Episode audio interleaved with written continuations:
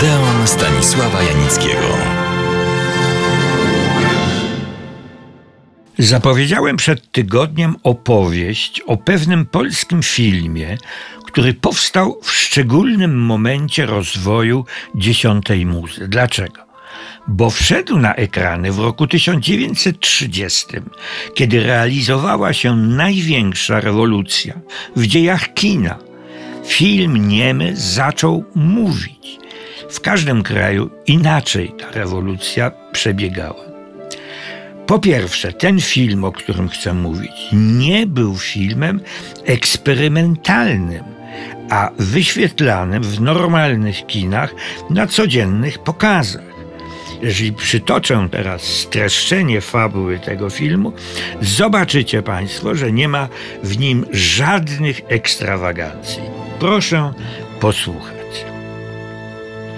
Główny kasjer Wielkiego Banku Warszawskiego zakochał się ze wzajemnością w pięknej właścicielce sklepu z ptaszkami. Ale ona, Ada, nie kocha kasjera bezinteresownie.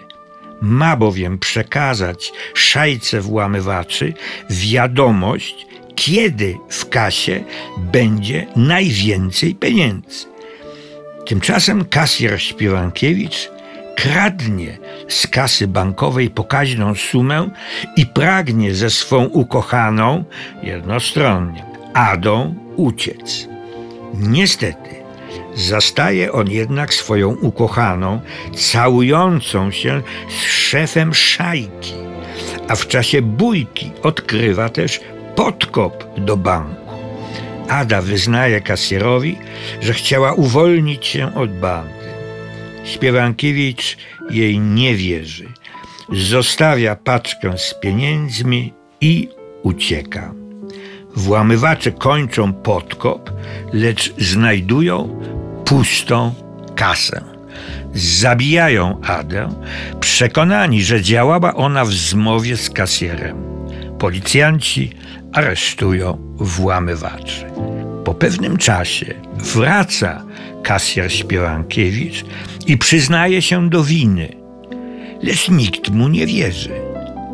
Ogrom przeżyć załamuje go. Aleją parkową odchodzi w dal. Wiadomo, co to oznacza. Interesujące, jak ten film został przyjęty przez ówczesną prasę. Nie chcę szanownych słuchaczy zanudzać rozważaniami na temat niuansów politycznych tamtych lat, choć były one bardzo istotne. Dlatego też pewne informacje są istotne dla zrozumienia i oceny tego filmu. Powołując się na ówczesne, podkreślę, ówczesne opinie, zacytuję tylko jedną. Książka Struga, pisarza związanego z Polską Partią Socjalistyczną, w owych latach niezwykle aktywnego polityka i społecznika, znajdującego się w opozycji do rządu, była kontynuacją podjętego we wcześniejszych utworach nurtu tragi groteskowego, ukazującego mechanizm w sprawowaniu władzy w nowo powstałej Rzeczypospolitej i wyszydzającego stereotypy zakorzenione we wszystkich dziedzinach życia publicznego. Również tutaj, tym razem na kanwie fabuły kryminalnej. Struk roztoczył przed widzem wizję współczesnego świata kapitalistycznego, posługując się polskim przykładem. Scenarzysta Anatol Stern, tak na marginesie znany i ceniony pisarz, krytyk literacki, przystępując do przeróbki powieści Struga, przeforsował jednak własną wizję losu bohatera, umoralnioną, pozbawioną tak cennych w oryginale rysów satyrycznych, tym samym wypraną z jej aktualnych warunków społecznych. Niebezpieczny romans jest interesujący, wręcz godny specjalnej uwagi, jeszcze z zupełnie innego powodu. Otóż jest to jeden z tych filmów, rzecz jasna nie tylko polskich, które znaczyły to trudne, ale fascynujące przechodzenie filmu niemego do dźwiękowego.